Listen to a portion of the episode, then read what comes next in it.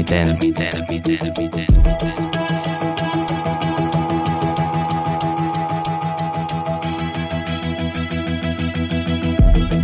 L'intermitent. L'intermitent.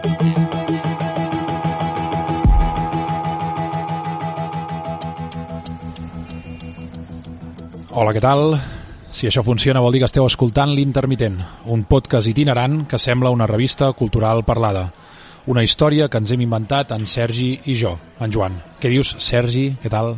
Com estàs? Doncs uh, content, uh, avui juguem a casa, Joan, uh, i això sempre és, uh, és un gaudi, jugar a casa, uh, ja saps, el públic el tens a favor, um, pressió màxima, també, Això també és veritat. però amb moltes ganes, perquè, escolta'm, això de, de fer intermitents a, a vora de casa teva és, és un plaer, és un plaer. Exacte, de fet, diuen Sergi que juguem a casa perquè estem al Tarambana un altre cop, em sembla que és el tercer cop que estem al Tarambana, això del Tarambana comença a ser una mena de relació eh, d'amor eh, intermitent Tarambana. Som-hi, va, som-hi amb l'intermitent número 14.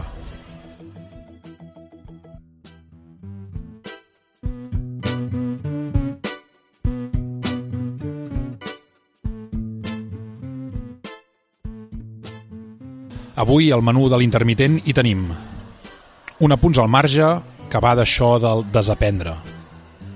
A la conversa que mai acabarem, l'Elisenda Coquet. Al circ, el Club d'Intercanvi i Recomanacions Culturetes, la Sònia Suárez. A la contrapel, en Santi Montagut.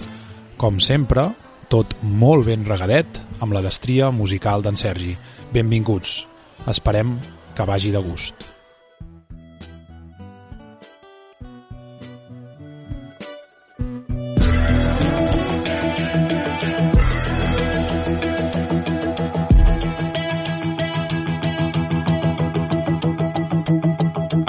Al marge.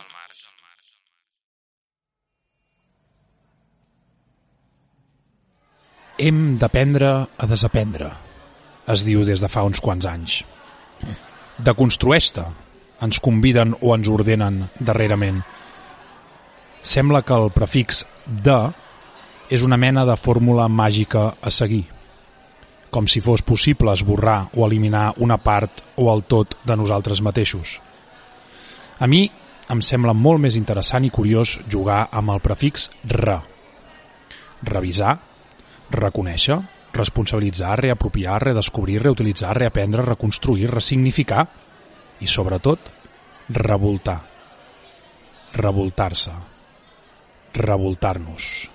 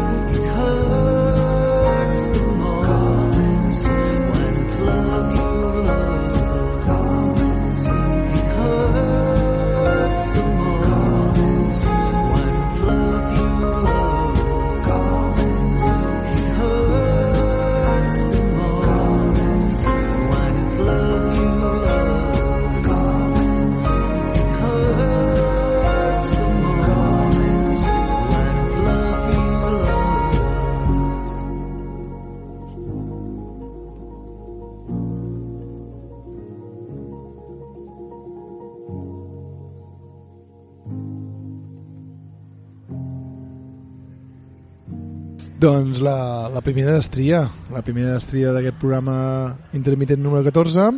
Sembla que haguem anat molt lluny, però la proposta és uh, una proposta, um, se li voleu dir, nostrada. Ell és en Lluís Bòria, amb el projecte que es diu Bòria, amb la cançó No Man's Land, i del disc que va fer aquest 2021, aquest passat 2021, eh, com veieu, cançó d'autor, cançó amb un folk més, més si voleu, més, més anglosaxó, um, Any Place But Now. Um, si us plau, ja ho sabeu, sempre soc molt passat amb això de les tries, però um, recentment m'he escoltat de cap a, no, de cap a peus i em sembla que és unes propostes molt interessants per a aquells que us agradi molt la música més, si voleu dir més propera, més senzilla més Pausada. més, més pausada delicada. delicada i ell uh, tenia una, una formació que es deia Estúpida Èrica uh, que també uh,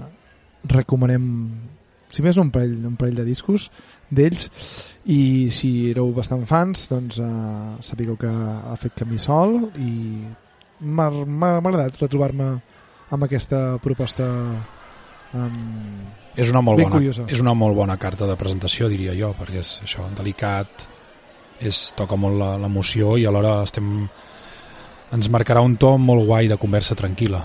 Oi, Sergi? oh i tant Doncs vinga, anem amb la conversa que mai acabarem.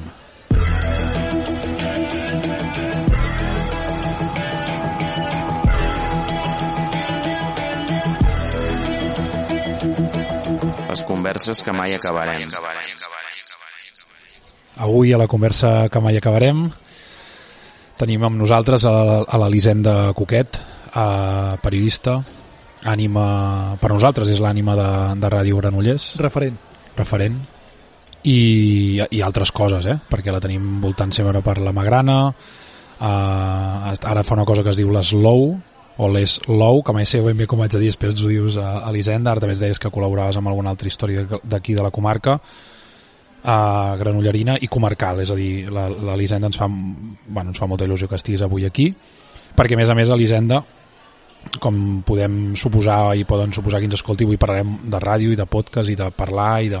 hem estat sopant abans i hem, ja hem avançat una mica la jugada però comencem una mica pel principi Elisenda eh, ets periodista d'ofici i quasi de formació això comença així m'agrada molt perquè com, com, com va anar això que, que em vaig formar i, i que no, no vaig poder eh, assolir el final de la, titu de la la, titulació. titulació acadèmica per diversos motius.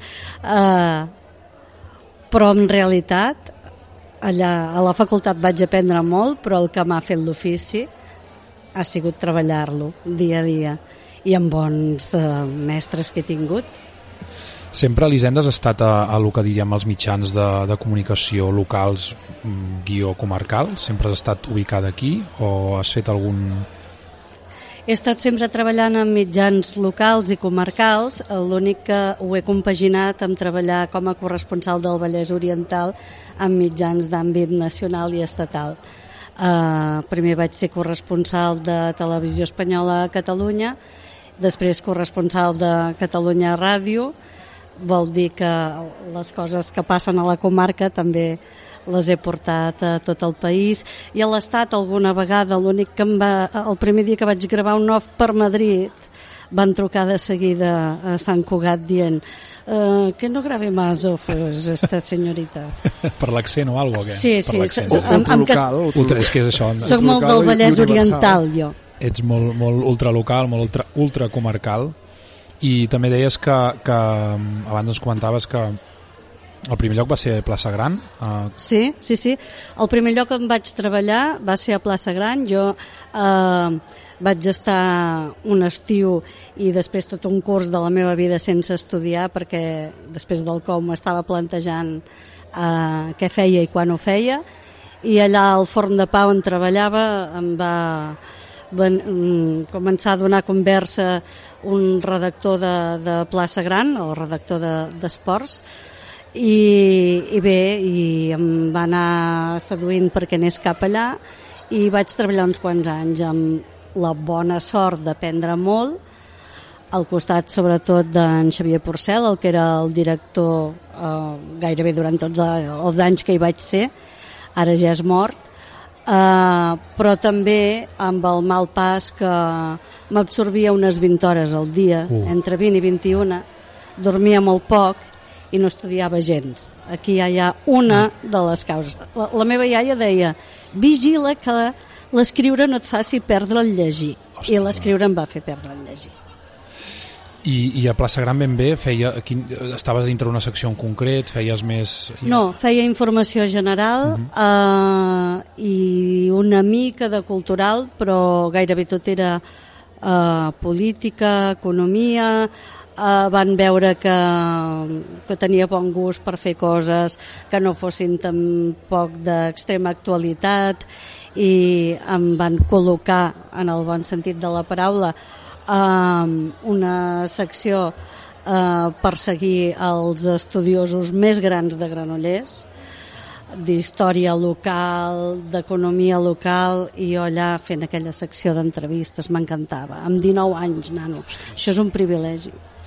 I, i també abans ens deies, clar, jo, jo per mi l'Elisenda és, és, ho he dit abans, jo he dit ànima de Ràdio Granollers, en Sergi deia directament referent, perquè per mi sí que ets una mica l'ànima de Ràdio Granollers perquè és la, la, amb, el, amb el Paco, que, que no fa gaire ens, ens ha deixat, a les persones que us tinc més identificades a, a Ràdio Granollers, que per sort quan fèiem coses a, a, en altres vides sempre ens convidàveu a explicar-les. Amb Ràdio Granollers eh, va ser de passar de Plaça Gran a Ràdio Granollers o va haver-hi algun impàs pel mig? Com van ser els inicis a Ràdio Granollers? Entremig vaig eh, treballar el que llavors era el Cercle Cultural de la Caixa, de la Fundació La Caixa, que ara és el Cinema Edison. Allà treballava amb la Prudent Penedès, en Jaume Rodri, d'aquí Cardedeu, i la Roser, Lleonard, um, i quan treballava allà en Josep Maria Codina, actual director de Ràdio Granollers i que llavors era el cap d'informatius de Ràdio Granollers, eh, doncs em va venir a buscar i em va oferir feina a informatius de la ràdio i des de llavors doncs fa 35 anys i mig que sóc allà. 35 anys i mig, que, que és més dels que jo tinc. Sí, sí, no, i, i per no anar, perquè que podríem estar aquí repassant la trajectòria, Sí. sí. um, ho veieu, Va, no? per situar una mica la gent. Per situar la gent, um, estem parlant d'això, d'un referent uh, radiofònic.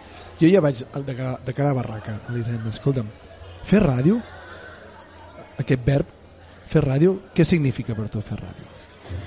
Fer ràdio, cadascú ho pot dir des del seu punt de vista. Tu tens el teu, en Joan té el seu, i jo segurament tinc el meu, i moltes altres persones que es dediquen a la ràdio tenen el seu. Uh, fer ràdio és comunicar des de l'essència amb l'eina més potent que tenim, que és la veu. I jo sempre penso que no, mm, em costaria molt viure uh, sense poder-me comunicar amb la veu. I admiro molt les persones uh, uh, no oients que es comuniquen en llengua catalana de signes i que tenen la valentia de sortir al carrer cada dia eh, tant sigui a comprar el pa com per anar a la caixa quan abans anàvem a la caixa a parlar amb els empleats per alguna cosa que necessitàvem o que eh, s'enfronten al dia a dia sense tenir sí. la veu. Eh, per mi la veu és tot i és comunicar-se a través d'un una magnífica cosa que es diu micròfon, que tinc aquí davant, vosaltres també, i que em fa gaudir molt de la vida. I és això, és eh, comunicar a través de l'essència. Per mi és això, eh?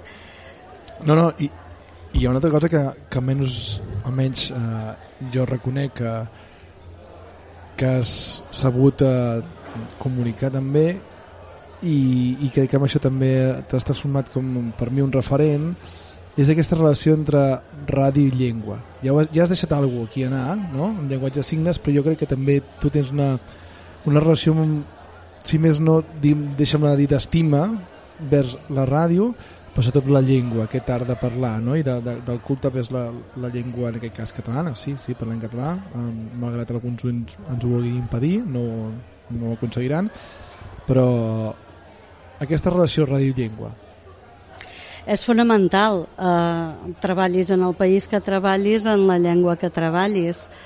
Vull dir, és eh, l'eina principal per comunicar. Tot l'altre és tècnica. Abans deies, de fet, que, que en, en el sopar ha sigut molt interessant perquè hi ha un moment que diu, quan, quan parlaves d'això del, del, que la ràdio és essencialment veu, uh, deies, i perquè després hi ha uns sorollets, les sintonies, més dit com sorollets, les sintonies, les falques... tècnics no se sentiu Ah, al·ludits No, però, però que no ho deia en, en, en despectiu, sinó ho deia No. com no, no, l'important és la, és la persona que està parlant i si, i si parlen altres persones, no? En aquest sentit, jo crec que, que, que nosaltres estem fent... No, nosaltres amb la sèrie tenim una discussió molt amistosa i molt interessant de, de si fem ràdio, fem podcast... No, clar, estem fent un podcast, perquè això és un podcast, però fins no fa gaire li dèiem programa de ràdio, perquè ens inspirem bastant més en aquests programes de ràdio que hem escoltat eh, al llarg de la nostra vida, sobretot en el meu cas, gràcies als, als meus pares, no? que és aquesta mena de, de, de magazín o de per això li diem revista cultural parlada. No? Um, uh, aquesta relació ràdio i podcast i aquesta mena de... sem- Semblava que, jo crec que en el, en el periodisme escrit, en els diaris, etc etc etc, el, el tema digital, virtual, havia, va arribar ja fa uns, o sigui, ha arribat ja fa uns quants anys.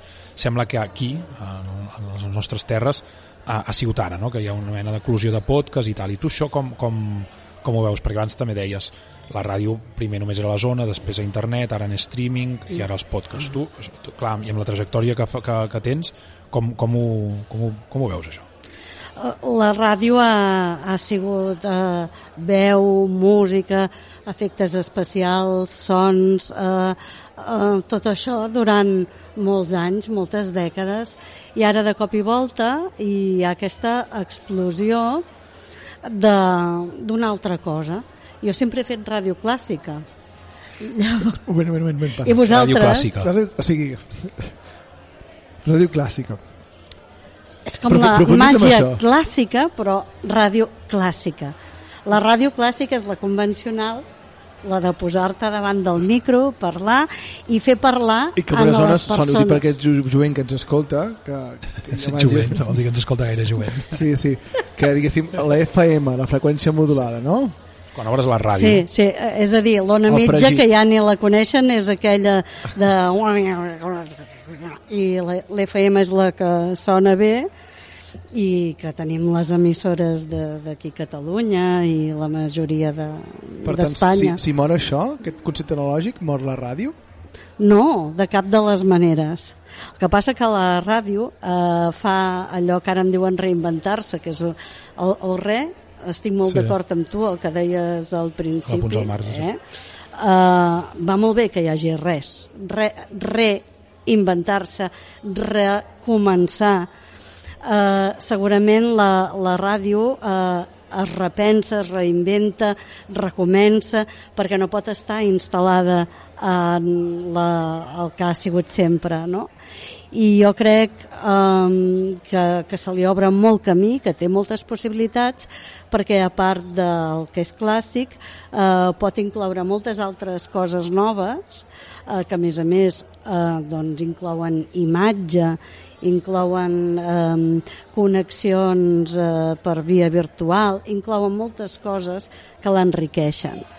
I en aquest sentit, ja que heu, començat parlant de referents, jo vull dir-vos que vosaltres sí que sou un referent per mi.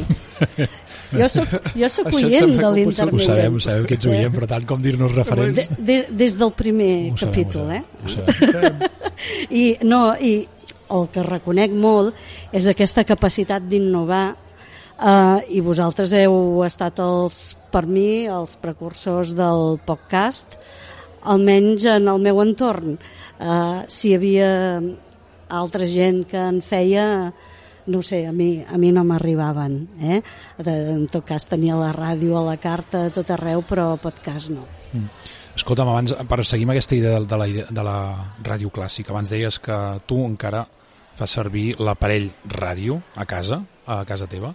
Uh, Explica'ns aquesta relació amb aquest aparell ràdio, perquè jo tinc una mare que també és així i a mi m'encanta perquè és al·lucinant com vol conservar l'aparell de ràdio i, i quan, quan, quan veus que en realitat amb el mòbil pots tirar però hi ha algú d'aquesta relació, jo la veig la relació i m'agrada eh, que sigui així, tu com Sí. la...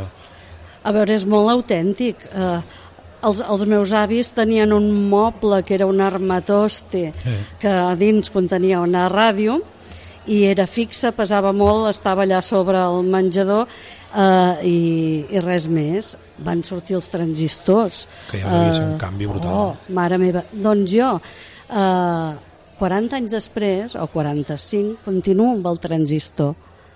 Normalment el tinc endollat al quarto de bany, perquè, eh, a més a més, no, no gasto piles, eh? eh sempre està endollat a la corrent.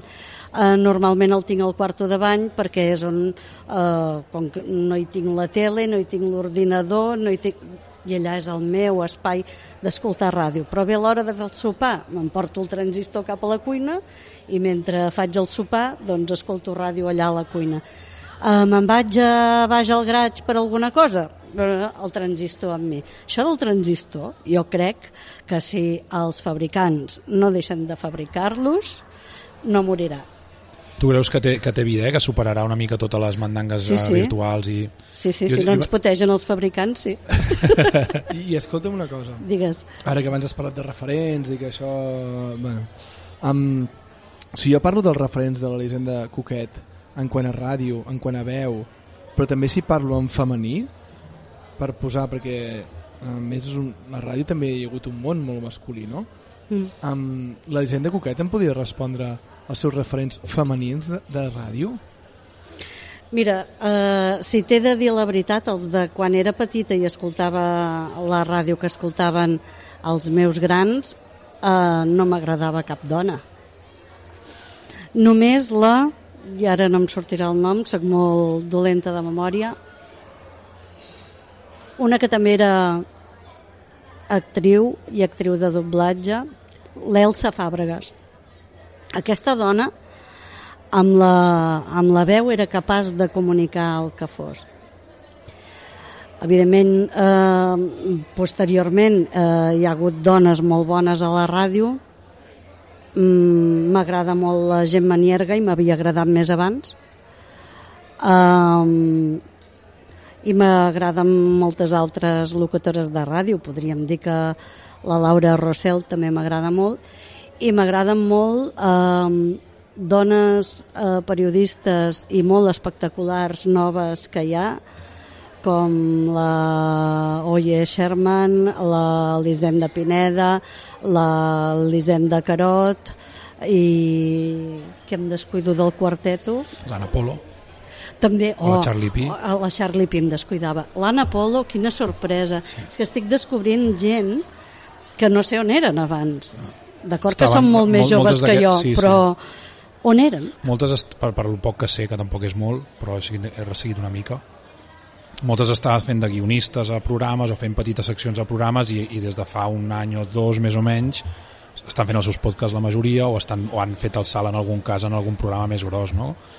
I o, o, o estaven de, ja no de secundones mal dit, o sigui, ho dic mal dit expressament eh? Sí, sí, sí. sinó de, ter, de, ter, de, de terceres per dir-ho així, no? i ara estan doncs, evidentment eclosionant perquè tenen com un discurs i, un, i, un, i una manera de comunicar com, bueno, particular, no? per dir-ho així um, a mi ara, ara que estem fent una conversa i m'agrada molt fer les converses, Mm-hmm. abans també ens deia, has dit um, fer ràdio és fer parlar a la gent com, com, com, com es fa això de fer parlar la gent? Què estàs fent tu Ja ara? no Unes estic fent, ho sé, preguntes, ho sé, oi? però- doncs però quines claus, És quines- així, no té, no té massa perquè has dit ara la, més la, Laura, misteri. la Laura Rossell i Sí. l'altre dia que va sortir el, el programa aquest amb el Pau Riba Sí. eh, que us recomano que el mireu va haver gent per Twitter com sempre que va que rajar va, rajava del programa, bueno, alguna part era una mica així que dius, bueno però li criticaven que fa, fa servir molt els silencis i a mi això em sembla una cosa brutal algú que sàpiga fer servir els silencis i ara pensar, ostres, Lisenda, tu quan fas entrevistes o quan, quan fas converses a la, a la ràdio tens algunes claus o com ho fas això? Uh, sí, principalment i donat que no tinc temps de sopar primer amb els meus convidats Com hem fet avui, en no? aquell cas seria un esmorzar perquè treballo de matins um, i anem bastant a sac doncs uh, el que faig uh, informar-me bé de què fa aquella persona, què fa la seva entitat, el seu club, el seu partit polític, la seva empresa i a partir d'aquí eh, fer-la parlar. Amb quines eines? Doncs amb l'interès que mostro, o em sembla que mostro, amb el que està fent aquella persona i que vol arribar a tanta gent com pugui, no? Llavors, sí, hi ha una mica de tècnica i hi ha una mica de cor. Els silencis són molt bonics, molt respectables i s'han de respectar. Ja heu sentit de fons l'ambient que hi ha aquí al Tarambana, que és, és una passada, això. Sí, eh? I, i ja que anem d'ambients, amb quin és potser l'ambient o el moment eh, més dur que t'ha tocat viure a la ràdio, no? I també el moment que, que has dit que pren, que pren cos, que pren vides. O sigui, això que estic fent ara mateix és, buah, o sigui, no, no canviaria, no? O sigui, diguéssim, el costat positiu o el costat negatiu que té, pot tenir la ràdio. El pots compartir? Si pots, eh? costats positius en té i de negatius també en té però evidentment et trobes en situacions galdoses a vegades eh, trobes en situacions per exemple d'haver de dir per antena eh, que ha mort en accident de trànsit a Alemanya el primer director de Ràdio Granollers en Lluís Diumaró mentre treballava. Eh, i ah, que és el millor amic del teu germà que, eh, bé, eh, mo moltes coses que com que eh, tens sentiments et costen de dir en aquell moment eh, però ho has de dir i, i comunicar-ho i qui estigui a l'altre cantó ja plorarà o ja mm, però se't fa un nus a l'estómac, no? Després hi ha situacions, per exemple, en què et veus obligada a entrevistar a persones eh, que realment consideres o elles o el seu projecte repulsius. Què fas? Jo ho faig a casa, fi, o ara dic a casa perquè estic teletreballant des de fa un quant temps. És la segona vegada que treballo des de casa. Uh, quan em trobo en aquesta situació, jo a aquella persona li he d'oferir una entrevista, li he de fer una entrevista. Potser no m'hi apassionaré, però uh, si estic obligada a entrevistar-la, uh, ni puc denigrar-la, perquè treballo en un mitjà públic i perquè sóc periodista d'ofici, no puc denigrar-la, aquella persona. Eh, llavors, a través de les preguntes, eh, ja la, eh, ella quedarà com hagi de quedar retratada, bé o malament. Però com que a mi em costa tant, què faig primer? Abans de començar, agafo el fetge, pum, i el poso sobre la taula. Li faig l'entrevista i quan he acabat torno a agafar el fetge i me'l torno a col·locar a lloc. Són tècniques per poder viure quan et trobes en, en situacions galdoses, Boníssima la imatge, eh? És que, hosti, això no sé si no era per podcast o era per, per, per vídeo, però és d'aquelles coses que almenys jo m'enduré per sempre Ostres, sí. la, a la... Clar, perquè abans també, abans també ho dèiem, que una cosa és fer lo que, això que fem en Sergi i jo, que al final és parlar, és compartir música, és deixar una reflexió, és convidar gent que digui coses i sobretot és triar amb qui volem parlar, amb qui volem con- conversar, però clar, l'editorial ens la marquem nosaltres, de fet no hi ha editorial, l'editorial és la gent amb la que volem parlar. Uh, tu acabes de dir molt clar, tu ets periodista, nosaltres no som periodistes ni volem fer de periodistes i aquí hi ha una, una, una diferència. Jo també deia, jo crec que la diferència potser entre podcast i ràdio va, per, va una mica per aquí. No dic que fent un podcast no puguis fer periodisme, no dic que fent un podcast no puguis divulgar, ni explicar, ni, ni, ni relatar, ni narrar la realitat o l'actualitat, però potser sí que en, la, en el concepte de ràdio clàssica que tu estaves abans abocant sí que hi ha aquesta, aquest ofici del periodista que implica, mm, per exemple, això que acabes, que, que acabes de, dir, de dir tu ara. No? Llavors és com aquesta sensació de dir ha passat abans, eh? abans ho, també ho deia amb els mitjans d'escrits però també amb d'altres amb aquesta tasca de relatar el que està passant eh, que una ràdio local com és Granollers té la capacitat de relatar el que ens està passant com a ciutat, com a, com a poble i que sigués un, i que doncs, a la Garriga n'hi ha, aquí Cardeu em sembla que també relaten aquestes realitats particulars i concretes aquesta tasca eh, ha de perviure d'alguna manera I tant que sí. Per mi, eh, la ràdio de proximitat és el més important. Jo, evidentment, podria fer ràdio per, per, eh, parlant de coses internacionals o de coses de Madrid, eh, però el que més m'agrada és parlar de coses de Granollers i del Vallès Oriental i fer sortir per la ràdio aquelles persones que fan coses aquí. I és molt bonic això que, que, que puguis donar veu a una persona d'un club esportiu que ell, ella i el seu equip s'estan esforçant al màxim o una persona d'una entitat cultural que l'únic lloc on l'entrevistaran serà la ràdio de la seva ciutat o a pocs llocs més dóna-li veu, aquella persona té unes ganes d'explicar el que fa, per què ho fa, de convidar tota l'audiència a presenciar els seus espectacles o a participar de les seves activitats.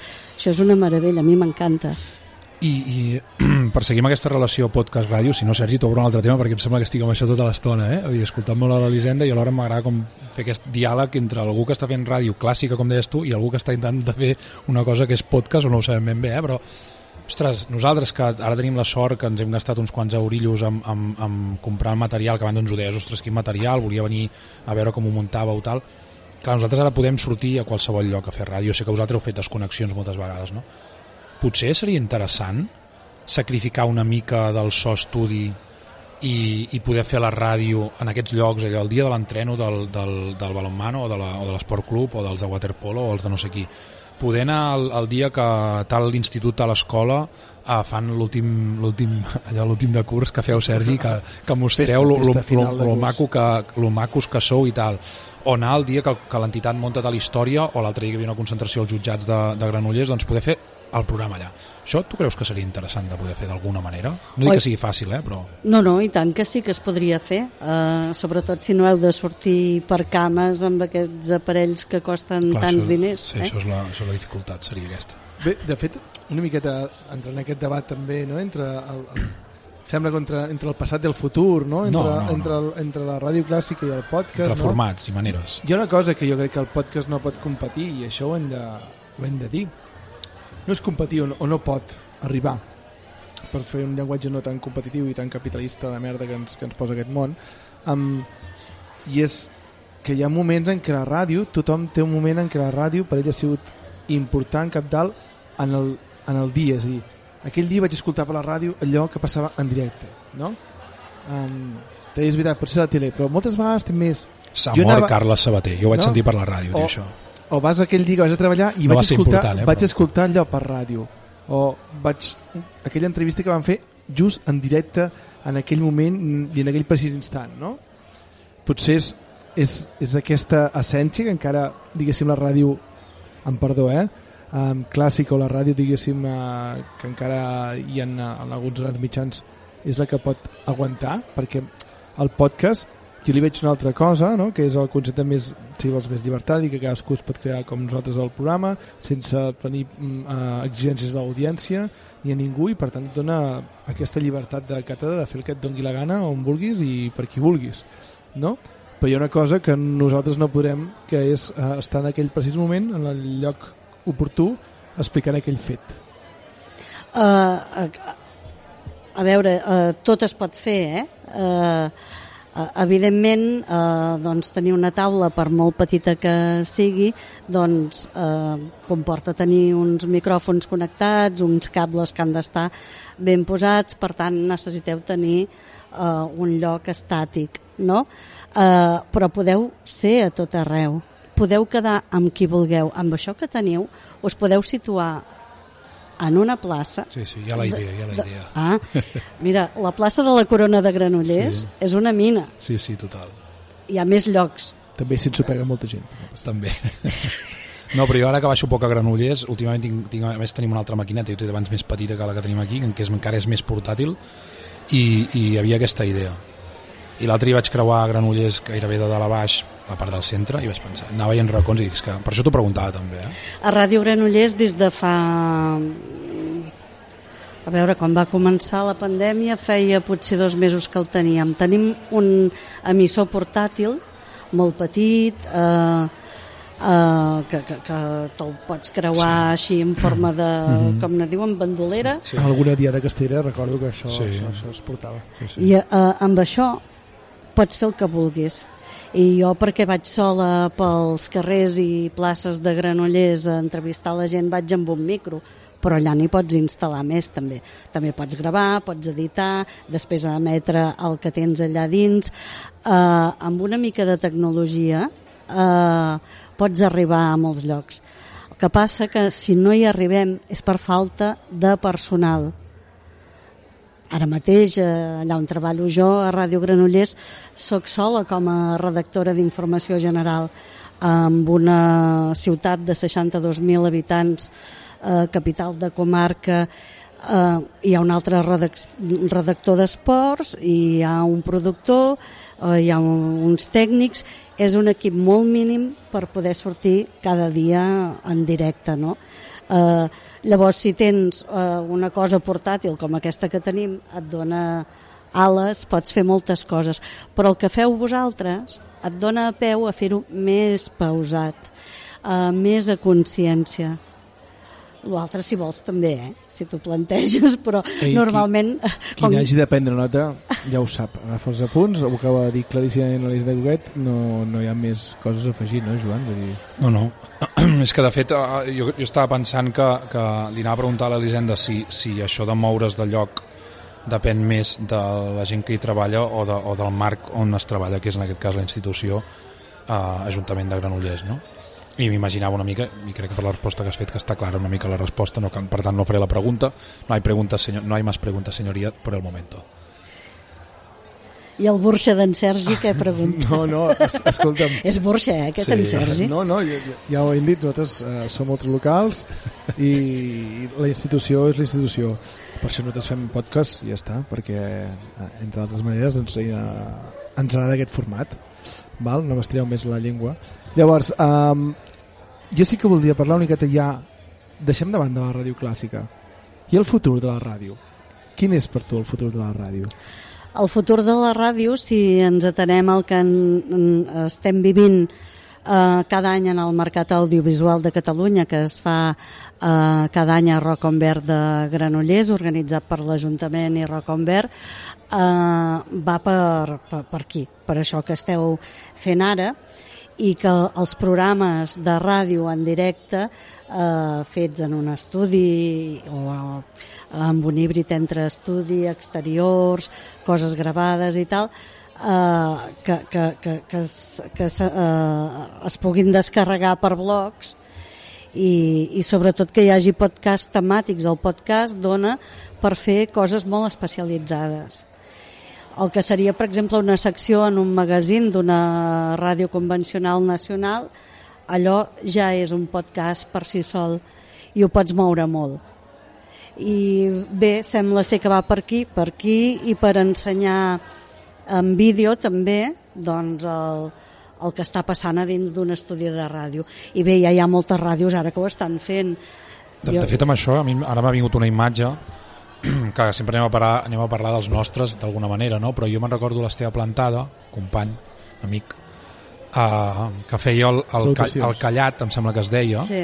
en el magazín, En el magazín del Paco. Granollers, avui de Ràdio I, Granollers, I sí. allò, de fet ara ho està fent en podcast directament, és allò, però ho està fent en el Temps de les Arts, eh, parla amb poetes sobre la seva obra, i està fent el mateix que feia Ràdio Granollers fa uns quants anys ja, ho està fent ara en, en format de podcast en, el, en els Temps de les Arts. I l'altra cosa que em venia al, al cap és, eh, jo insisteixo, eh, Um, a mi hi ha una cosa que del podcast que m'agrada molt, que és aquest, aquesta idea de temàtica o de, o de si vols, de comunitat d'interessos, no? en plan, escolto aquest podcast perquè el, sobre el que parlen m'interessa, m'agrada, em fa riure, el que sigui, però alhora jo crec que necessitem un altre tipus de comunicació verbal que sigui igual de pausada, potser no tan frenètica com últimament estem acostumats, que és aquesta cosa més informativa que ens relati. Jo insisteixo, el futur també hauria de venir per, per, per mantenir això, no?, d'alguna manera perquè si no acabarem tots, cadascú la seva bom- bombolleta, escoltant els dos o tres podcasts quan a mi em vingui de gust, quan a mi em vagi bé, que està molt bé, però coi, una mica de visió general de què coi està passant a la ciutat, al país o, o, o al continent en el que formem part i en el món, això ho necessitem. Per això eh, la ràdio eh, per ones i per internet i la, la tele, eh, tant per televisió com per internet també, pot fer aquesta missió d'aglutinar tot el que és informació eh, de tot tipus en mitja hora o 40 minuts de- d'informatiu. Pot fer mm, tertúlies, pot fer moltes coses i el podcast destinar-lo més En tema temàtic. a, sí, si clar, tu t'est- si haguéssim de dir- especialització. si tinguéssim ja ric abans de dir-ho si tinguéssim el, la possibilitat em fa molta de, gràcia el Joan. de, de poder decidir el futur de Ràdio Granollers si tinguéssim perquè l'Elisenda una mica però tu jo segur que que no aquells que teniu el poder no, No, no, jo no- sentiu jo però no, si eh, tinguéssim, jo si no, tinc, no, no, per això jo dic, no. dic una mica, però i segurament no. Imagina nosaltres dos. Però si tinguéssim una mica, ara féssim aquest exercici de quina ràdio Granollers ens imaginaríem, jo posaria una mica sobre la taula el tema de la comarca, perquè crec que seria interessant realment explotar-ho d'alguna manera, això d'aquesta comarca que no existeix però que és real, que és Vallès Oriental.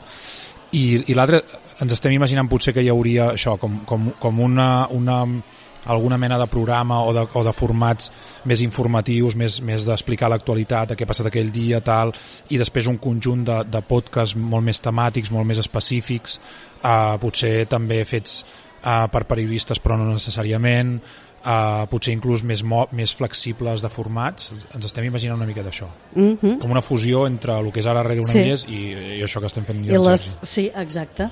Es tracta de combinar-ho bé, amb criteri, amb seny, i, i bé, i trobar doncs, eh, les persones adequades per fer-ho mm, i moure-ho molt, perquè veure, un, un podcast s'ha de moure sí. molt. Sí, sí, sí.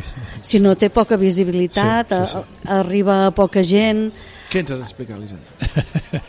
Mira que ho intentem. Eh, jo, jo us veig a les xarxes socials, Sí, eh? perquè- Us segueixo a Instagram. Tu ets la fan número Sí. 1, però després de la número 1, saps? Ja, Ja, allà ja. s'acaba el tema. No, i perquè, home, Mike, que potser ens escolta, ens, va, ens, va Mike. fer una, ens va fer unes ens va fer unes classes gratis de community manager i alguna hem après una miqueta, però ostres, és A part de complicat. fer-nos sentir-nos grans. Sí, això també. No, però pensava que precisament aquesta és l'altra, no? que dir, això és el que seria també interessant, poder trencar una mica aquesta frontera entre el, el que es fa el podcast per la seva banda i la, i la ràdio, digue-li local, digue-li nacional, potser sí que podria haver-hi un repositori en alguna banda que sigui fàcil accedir, que no hagis de necessàriament entrar en certes lògiques eh, de, de freqüència, de quan vols fas el programa, de continguts, perquè depèn de què, potser a Ràdio Granollers no pots dir-ho, o això també seria interessant. Com, una com, mica- com? que depèn de què, a Ràdio Granollers segurament no pots dir-ho. No hi ha llibertat d'expressió. No ho sé. No ho sé, no dic que no, no dic que no hi sigui, dic que depèn de què potser et dirien alguna cosa. Sí, A veure, la- bueno, bàsicament, si fas algun tuit ja et poden dir alguna cosa, perquè a mi m'ho han fet, ja t'ho dic ara, Un llavors, tuit, un sí, tuit. per un tuit de merda. Imagina't si ho tinguessis per la Clar, llavors, però igual, és igual. Uh, el que Què vull va és... passar? Què va passar No, és igual, és igual, és igual. Per un tuit de merda, a més a més, molt absurd. Uh, uh, sobre el reconvert. Um, I temes de- d'ofertes de, de feina. Uh, Anava a dir que potser una mica de repositori sí que seria interessant, no? Bé, de, de fet, les, eh, les ràdios locals estan enxarxades a la xarxa de comunicació local, que és de la Diputació de Barcelona, uh -huh. les teles també, uh -huh. i eh, són una plataforma, i allà pots trobar en vídeo i en àudio tot el que s'ha fet a totes les emissores i a tots els canals. Eh, per tant, allò és una, of És un una oferta interessant. I després, eh, no sé fins a quin punt això eh, hi entendreu més vosaltres que sou més joves, les plataformes d'àudio. Sí.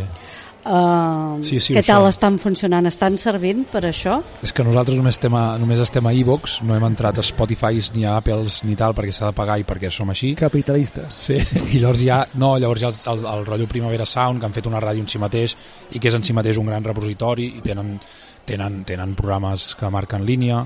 Però, però ara que... És una cosa en construcció. Sí, jo que crec. entraves amb el concepte de xarxes, em venia una pregunta al cap. Um, tu que ets una gran defensora i, i crec molt, eh? amb el tema de la, de la xarxa, de la xarxa, perdó, de la ràdio més uh, local, de poble, de ciutat, no? Tens el, algun referent també en quant a ràdio, diguéssim, més de, de ciutat, de poble, o si més no, deixant de banda tota la part més mainstream de la ràdio, de les ràdios més, més, més grans, no? Um, si tens algun referent, i l'altre és um, la ràdio pot fer poble, però també quina visió tens tu de la ràdio que pugui fer comunitat, és a dir, de la ràdio com és comunitària. Jo voldria, voldria saber, l'Elisenda Coquet, aquests, aquestes coses, perquè de ben segur ens, ens, ens il·lustraràs. A veure, crec que heu dipositat massa expectatives en aquesta conversa. No, no, les, les justes i les adequades. Sí. Uh, uh, quan a referents et refereixes a projectes existents, Sí, sí, sí, sí, més sí. que persones, que professionals d'un lloc o d'un Bueno. altre. Per exemple, uh, és opinió meva, eh? Uh, he vingut aquí com a persona lliure. Oh, i tant. Uh, a Rubí tenen una molt bona plataforma um, audiovisual local i a Sant Cugat del Vallès potser encara més. És que hi ha una mica rivalitat entre Rubí i Sant Cugat, eh? Doncs t'ho mira, dir, van, però- van forts tots dos. I has dit de ràdio i televisió, sí, allà, Sí. allà va molt més de la I, mà. i, i, i el que coneixem com a butlletí municipal, Sí. web de l'Ajuntament. Sí. Ara la cosa de la comunicació local va um, tenir una multiplataforma del, Mhm. de l'Ajuntament i uh, una mateixa persona pot fer diverses coses diferents. Clar, aquí, aquí és on ens agafa la vena de dir el problema aquí és que sigui només de l'Ajuntament, suposo, no? Que és on anava la línia del Sergi de la comunitària. ràdio comunitària. Llavors, exacte, de la ràdio Eh, comunitària què? A veure, eh, qui té la capacitat de, de contractació, de destinar-hi diners, normalment són els ajuntaments, tot i que, com estem veient des de fa anys, han anat eh, reduint eh, la despesa en les ràdios perquè han apostat eh, clarament per les televisions, no? però jo crec que ara que està tan de moda i que les institucions de casa nostra hi creuen tant en la col·laboració público-privada, possiblement una ràdio comunitària es podria fer entre l'Ajuntament, que no té per què pagar el 100% de tot com és ara, eh, empresaris, entitats culturals que facturen, clubs esportius que, a veure, tenen el pressupost que tenen, però, oi? Uh -huh. I si hi ha persones dinamitzant-ho d'un perfil de doncs de- de- de- de- d'això de, de, dinamitzador comunitari es poden fer coses molt interessants Ara se, se, sembla un punt que sembla que ens estiguem inventant alguna perquè ens contractin, no, no, no té cap mena, uh, no és aquesta la idea de- d'avui.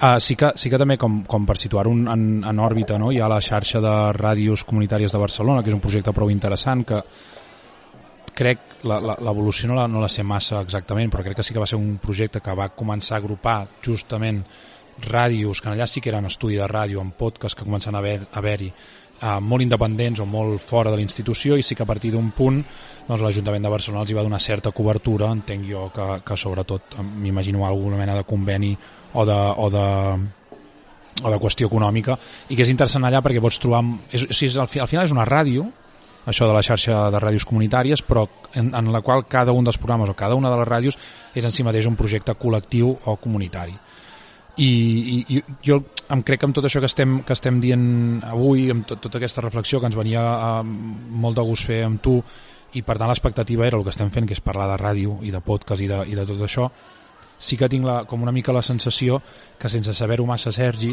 en, estem fent una estem fent algo que, que Metaràdio. sí, eh, estem fent metaràdio llavors eh, ja ho sabíem una mica que veníem a fer això però no ho tenia tan clar eh? Jo ja no, no dic res més, després de- d'això he estat tota l'estona pensant Sí. Metaràdio. Llavors, si, diem, si tornes a dir metaràdio, igual peta el programa, no? O sigui, com va això? El micro. Exacte, i per tant jo crec que és el, el moment de tancar aquesta conversa a meta radiofònica amb la gran Elisenda Coquet, agraint-li molt la- l'estona, ens agrada molt, molt Elisenda, ens agrada molt també Moltíssimes gràcies, Elisenda. quan ens dius que has escoltat el programa i que t'ha que t'ha agradat, això també ens agrada molt perquè, com deia en Sergi, ets una referent. Per tant, moltes gràcies per venir i com sempre, Sergi, tanquem la conversa que mai acabarem amb una cançoneta. Sí, ara acabarem una cançoneta de també d'una artista bigatana, és la Joana Serrat. Um, va treure un darrer disc, Hardcore from the Heart, tranquils, no és hardcore, val? però sí que podem parlar que estem parlant de la música més independent, també buscant una mica arrels més folks, i sempre és una, una artista que a mi m'ha captivat, i també és un dels darrers discs que he escoltat a, aquests darrers mesos entre gener i ara i febrer i us, us porto una cançó que es diu Pictures per una miqueta tancar la, la, la conversa Moltes gràcies, Elisenda. Gràcies a vosaltres, ha estat un plaer i tenia moltes ganes de veure com es feia ràdio intermitent des de dins. i nosaltres Aquí, a l'intermitent, el programa en concret, l'intermitent. i nosaltres ja que moltes gràcies moltes gràcies i moltes ganes d'escoltar la teva veu Salut. Salut. Salut.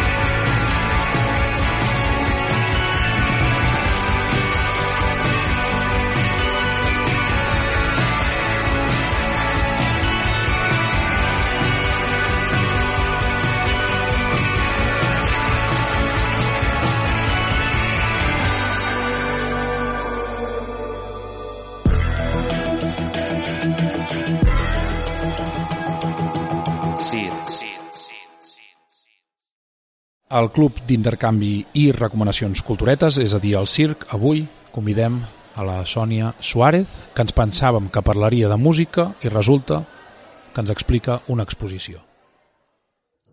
Bona tarda a totes i tots. Um, normalment jo estic més ficada al sector musical, però per sortir una mica de l'àmbit, uh, aquesta tarda em venia de gust fer un petit gir i recomanar-vos una exposició. És una expo que trobareu fins al dia 1 de maig al CCCB, al Centre de Cultura Contemporània de Barcelona, que s'anomena La màscara no menteix mai i està basada en, en un llibre d'assaig del Servando Rocha, que és un activista cultural. I el que planteja aquesta exposició és un recorregut històric del darrer segle, eh, però sota el símbol de, de la màscara i de la, de la polisèmia d'aquest símbol. Doncs eh, la Expo va recorrent diversos punts claus de, de la història, de la història de la màscara, i, i ens anem trobant amb diversos materials audiovisuals que mostren l'ús de la màscara en, en termes de poder, en termes de, de violència o opressió mm, per part de la cultura dominant, però també en termes de lluita social i, i d'activisme fins i tot. Algunes representacions històriques de la màscara que, que hi surten són, per exemple, doncs, eh, la, la del Ku Klux Klan, també hi ha, per exemple, les màscares dels lluitadors mexicans, però també hi ha eh, els passamuntanyes de les Pussy Riot, per exemple, i altres símbols eh, que estan més vinculats al, al component subversiu i, i clandestí de, de la màscara. No? La Expo va, va avançant a través de, dels usos polítics no? de, de les màscares en la modernitat i parla d'aspectes com doncs, polítiques de control, eh, resistències culturals a la identificació, defensa de l'anonimat, les estratègies de terror no? que hi ha en tot aquest acte d'ocultació, però també eh, també parla de, de la dissidència i, i del símbol identitari de la màscara en si. No? I curiosament acaba amb la mascareta quirúrgica que totes tenim molt present. No? bueno, eh, em va semblar força interessant i, i la idea és una mica com s'articulen les relacions de poder a través de la història moderna, però viatjant a través de les màscares i dels emmascarats. Mm, doncs això, eh, la, ex, eh, la Expo es diu La màscara no menteix mai i la trobareu fins l'1 de maig al CCCB, al Centre de Cultura Contemporània de Barcelona, al carrer Montalegre, número 5, diria. Fins aquí. Salut i llarga vida a l'intermitent.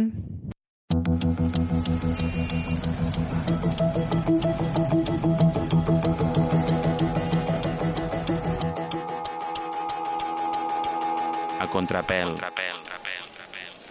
I per tancar aquest programa molt granollerí, perquè avui això és molt granollerí, Sergi, Ultralocal. ultralocal, uh, tot i que fet a Cardedeu, uh, tenim, torna, amb- torna amb nosaltres el gran, uh, l'immillorable, l'inconfusible, el fantàstic Santi Montagut. Som-hi, escoltem-lo, no?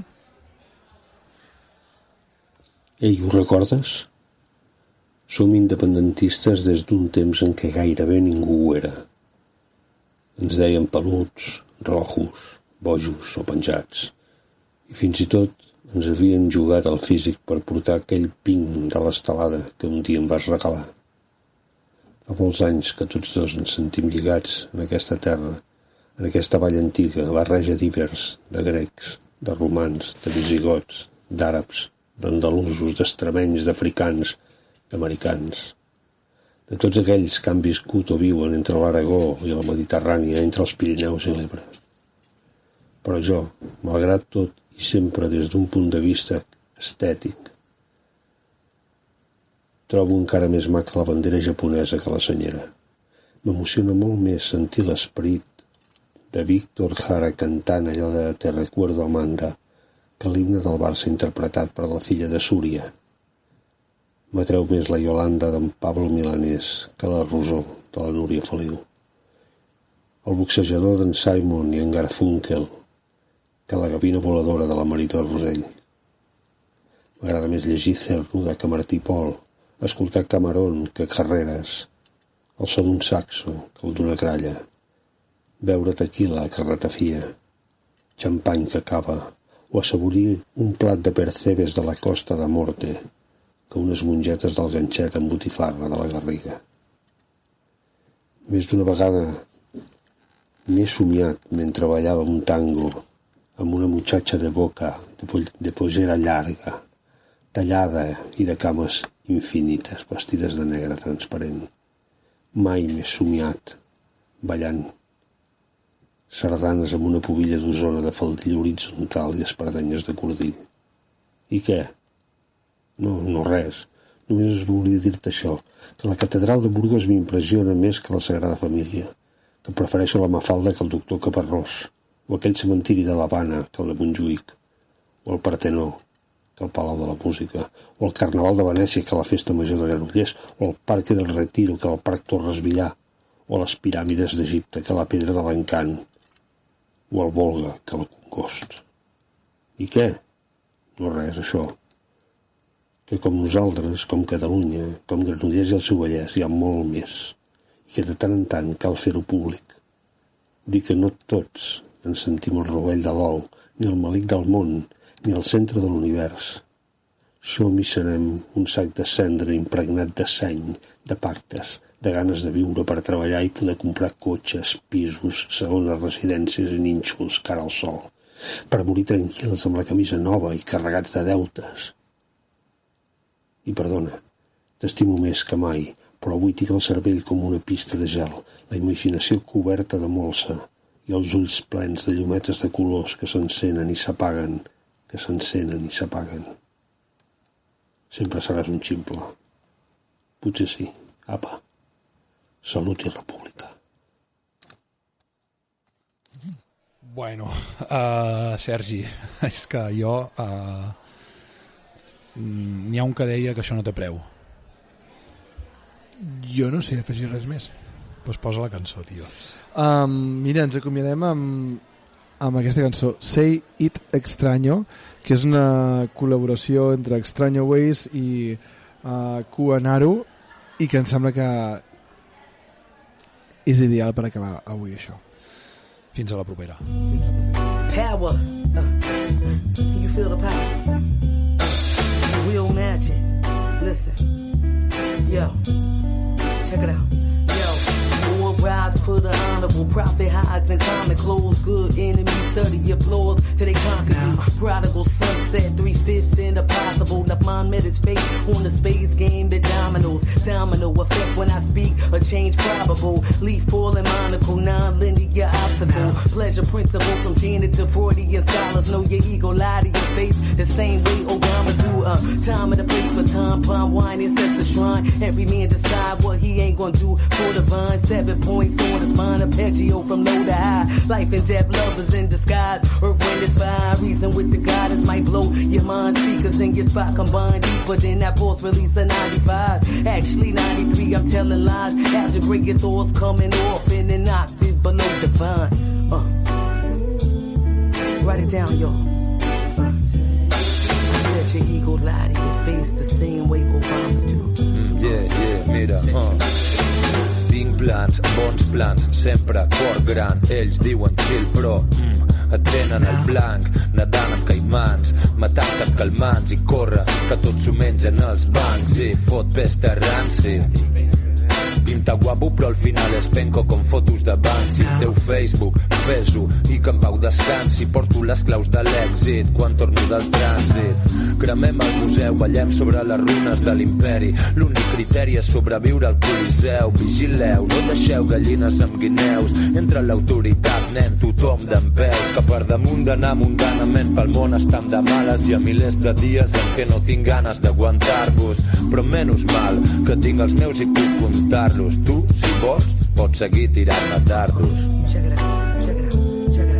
Listen. La família Seis loud posa el mapa Uh, say it loud like. Uh. a Quanaro i Extraño Say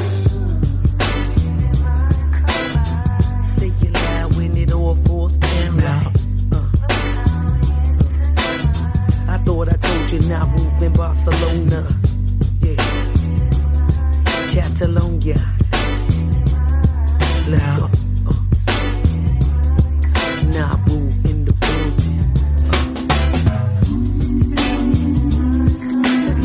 We got the haters live with Victor Pizza. Uh.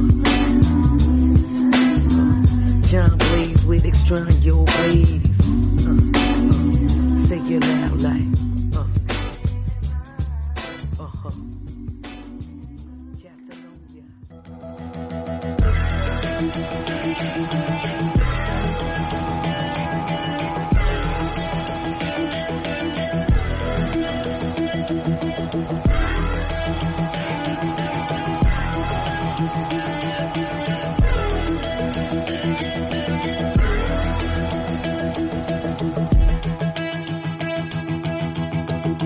2010. 2010.